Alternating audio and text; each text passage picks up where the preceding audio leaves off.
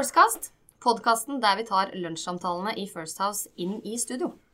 Mitt navn er Iven Oppsal, og med meg i dag har jeg Anne Solsvik, Julian Farne Calvert og Tor Mikkel Wara. Gratulerer med ny levering, det må vi vel si. Eh, det har som alltid før ny regjering skal eh, presenteres, vært mye snakk om hvem som kommer til å innta hvilke ministerposter. Det er første gang Venstre sitter i regjering med Frp. Og hvordan vil du analysere ministerpostene Venstre har fått i dag, Anne? Jo, altså det er jo Noen har kanskje forventa et par eh, andre navn. Eh, men det er nok noen av de mer sånn drevne eh, politikerne i Venstre. Helt åpenbart parlamentarisk erfaring har blitt vektlagt. Disse har lokalpolitisk erfaring. Og både Trine Skei Grande og Ola Elvestuen har jo byrådserfaring fra Oslo. Som er på en måte noe tilsvarende forstå litt hverdagen man går inn i. Um, man har jo valgt ut noen, noen felt eh, fra, fra Venstre side som, vært, som helt åpenbart betyr veldig mye for partiet. Uh, så indremedisinsk så tror jeg dette blir mottatt ekstremt godt. Uh, både høyere utdanning og kultur er to sånne områder i tillegg til det vi ofte liksom snakker om, både skole, småbedriftene og miljø i, Venstre. Så er det to helt sånn åpenbare felt som, som treffer godt i et venstrehjerte rundt forbi. litt av utfordringen er vel litt mer sånn kanskje noen av de velgerne man tenker at Venstre skaffa seg ved valget i fjor, de typiske måte, høyrevelgerne, ser de igjen det Venstre de ønsker å se? Blir de på en måte venstrevelgere i løpet av denne perioden eventuelt? Det er kanskje litt mer utfordrende å se den delen av det. Mm.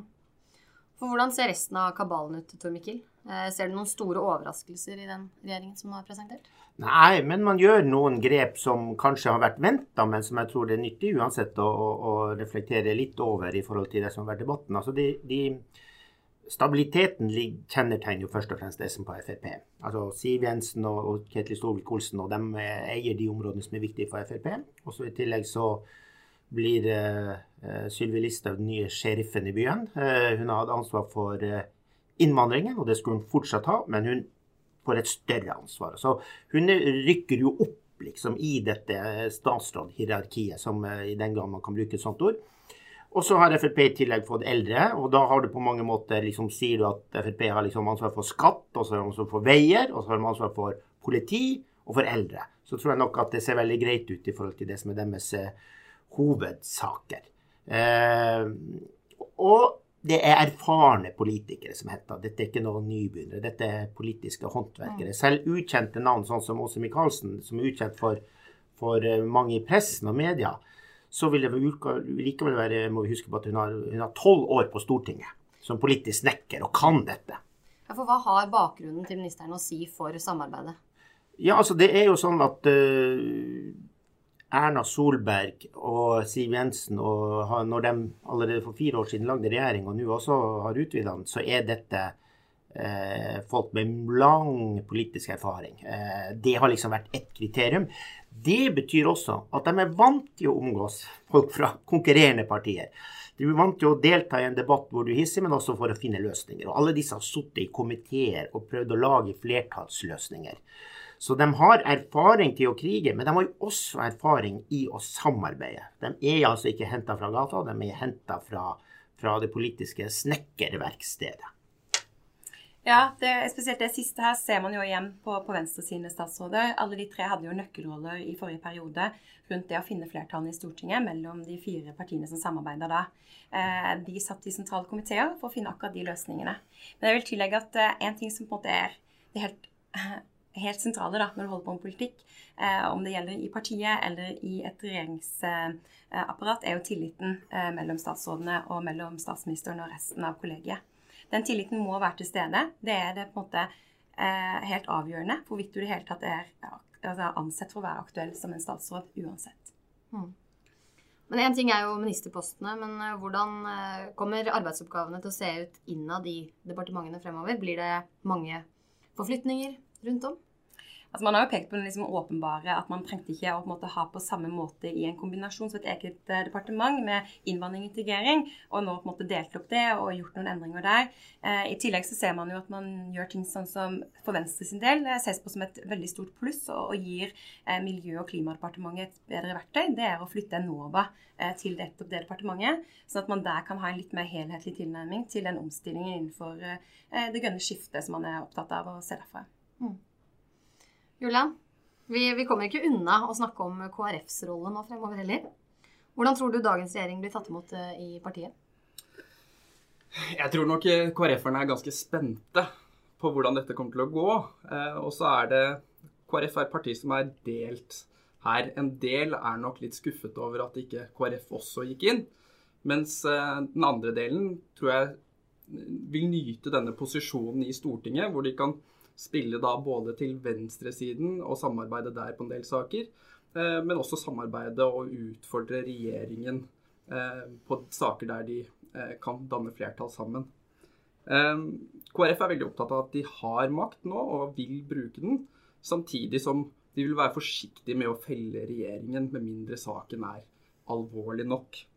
Partiet vil være et konstruktivt opposisjonsparti, og så får vi se hvordan det spiller seg ut i praksis.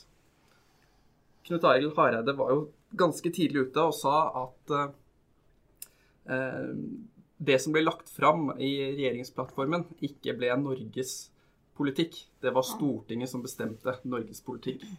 Men det er jo sånn at selv om vi har, har en storting som skal bestemme, så er jo det, det blir veldig spennende å se hva du får av en slags velgerdom over de to ulike strategiene som er valgt mm. fra Venstre og KrF. Dette er det jeg synes er veldig veldig spent på i, i, forhold til det. For det er klart at det er vanskelig for KrF å felle en regjering. Eh, og det vanskeligere det å felle en regjering med Venstre enn å felle en regjering uten Venstre. Så når man ikke gjorde det de fire første årene, så har man eh, egentlig malt seg litt inn i et hjørne. Så betyr det ikke at de trenger å gjette for regjeringens politikk. Eh, men vi må jo på et eller annet tidspunkt før neste stortingsvalg få en dom om det var lurt å gå inn i regjering, som Venstre gjorde fra Venstres velgere om det var lurt eh, å stå utenfor regjering for KrF fra KrFs velgere. Og Det kan godt hende velgerne reagerer forskjellig, men dette er jo en av de interessante tingene å følge med på i norsk politikk. Mm. Men eh, hva betyr det at vi har fått nå ny næringsminister? Har det stor betydning for, for næringslivet? Nei. Det har det ikke. altså, Hittil så har næringsministrene gjort lite og fått til lite. Og det skyldes at verktøykassa, de viktige tingene for næringslivet, de ligger faktisk i andre departementer. Altså, Finansdepartementet har ansvar for alt som går på skatter og avgifter, som er veldig viktig. Arbeidsministeren har ansvar for arbeidsmiljøloven og, og, eh, reglene rundt det, som også er veldig viktig.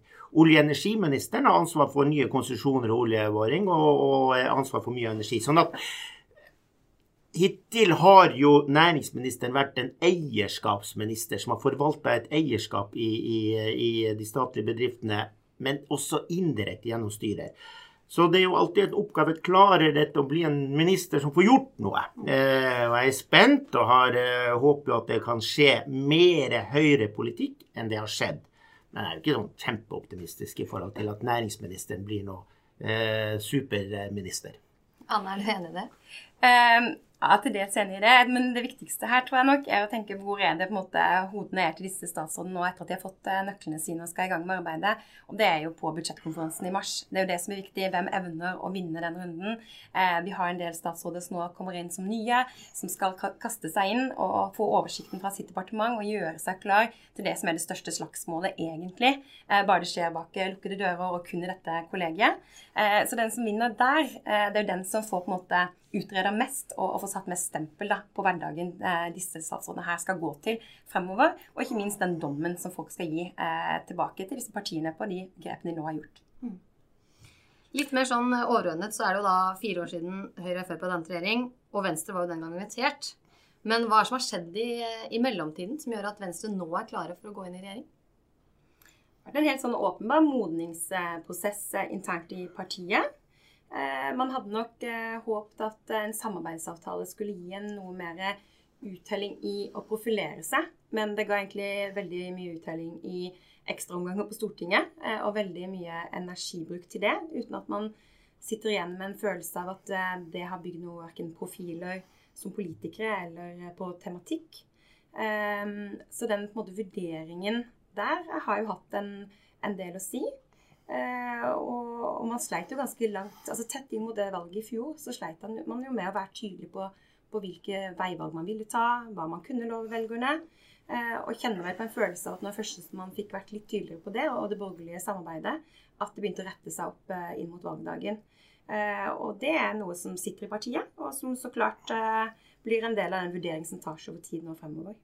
Det, altså for, for, litt over fire år siden etter valget så ble det jo lagt en invitasjon på bordet til Venstre om å komme i regjering. og den ble også lagt til KrF den invitasjonen har ligget på bordet hele tida. Så fra, S, fra, fra, Frp og Høyre har det egentlig ikke skjedd noe. De inviterte for fire år siden og bare venta på at noen skal plukke opp invitasjonen og ta den. Denne gangen gjorde Venstre det fordi de sjøl har vært gjennom en prosess som gjør at de nå tror at de får mer igjen av å sitte der, både realpolitisk, men ikke minst også velger opportunistisk. Det er jo slitsomt å holde på å slåss mot sperregrensa hele tida. Og, og, for Frp har jo dette vært et voldsomt prosjekt, eller skal vi si klassereise. Fra å være det utstøtte partiet som ingen ville samarbeide med, til å bli nå et parti hvor alle regner med at de er et akseptert regjeringsparti. Det er ikke mange år siden man sa at Frp kan aldri sitte i regjering, de vet jo ikke hvordan de skal oppføre seg, det blir bare kaos. Det har Siv Jensen for alltid parkert i argumentet. Det fins ikke lenger. Men fortsatt ligger invitasjon til KrF der på bordet. Så, så, det er jo spørsmålet om liksom, Venstre trengte fire, om KrF trenger åtte år for å komme til, til samme konklusjon. Men la det sånn at jo skarpere det har vært mot eh, Frp, jo lengre tid trenger du kanskje for å liksom uh, gå gjennom en transformasjonsprosess. Du skal liksom, du må jo via skjærsilden før du liksom kommer deg inn i, i, i, dit du vil, hvis det er himmel for KrF. Og dermed så må du, må du modnes. Så det, det, er jo spennende å se om, om, om man er kommet dit nå. Hvor mange år trenger man, Julian? Jeg tror man skal se på målingene her, ja. og så se at eh, dersom Venstre gjør det bedre, Arbeiderpartiet gjør det dårlig, så skal du nok se at kanskje KrF også går inn i regjeringen i løpet av denne perioden. Vi avslutter der. Takk for at du lyttet til oss. Husk at du kan abonnere på podkasten vår i iTunes eller Android. Og husk å følge oss på eh, First House sin LinkedIn-side eller vår egen nettside for oppdateringer. Vi høres!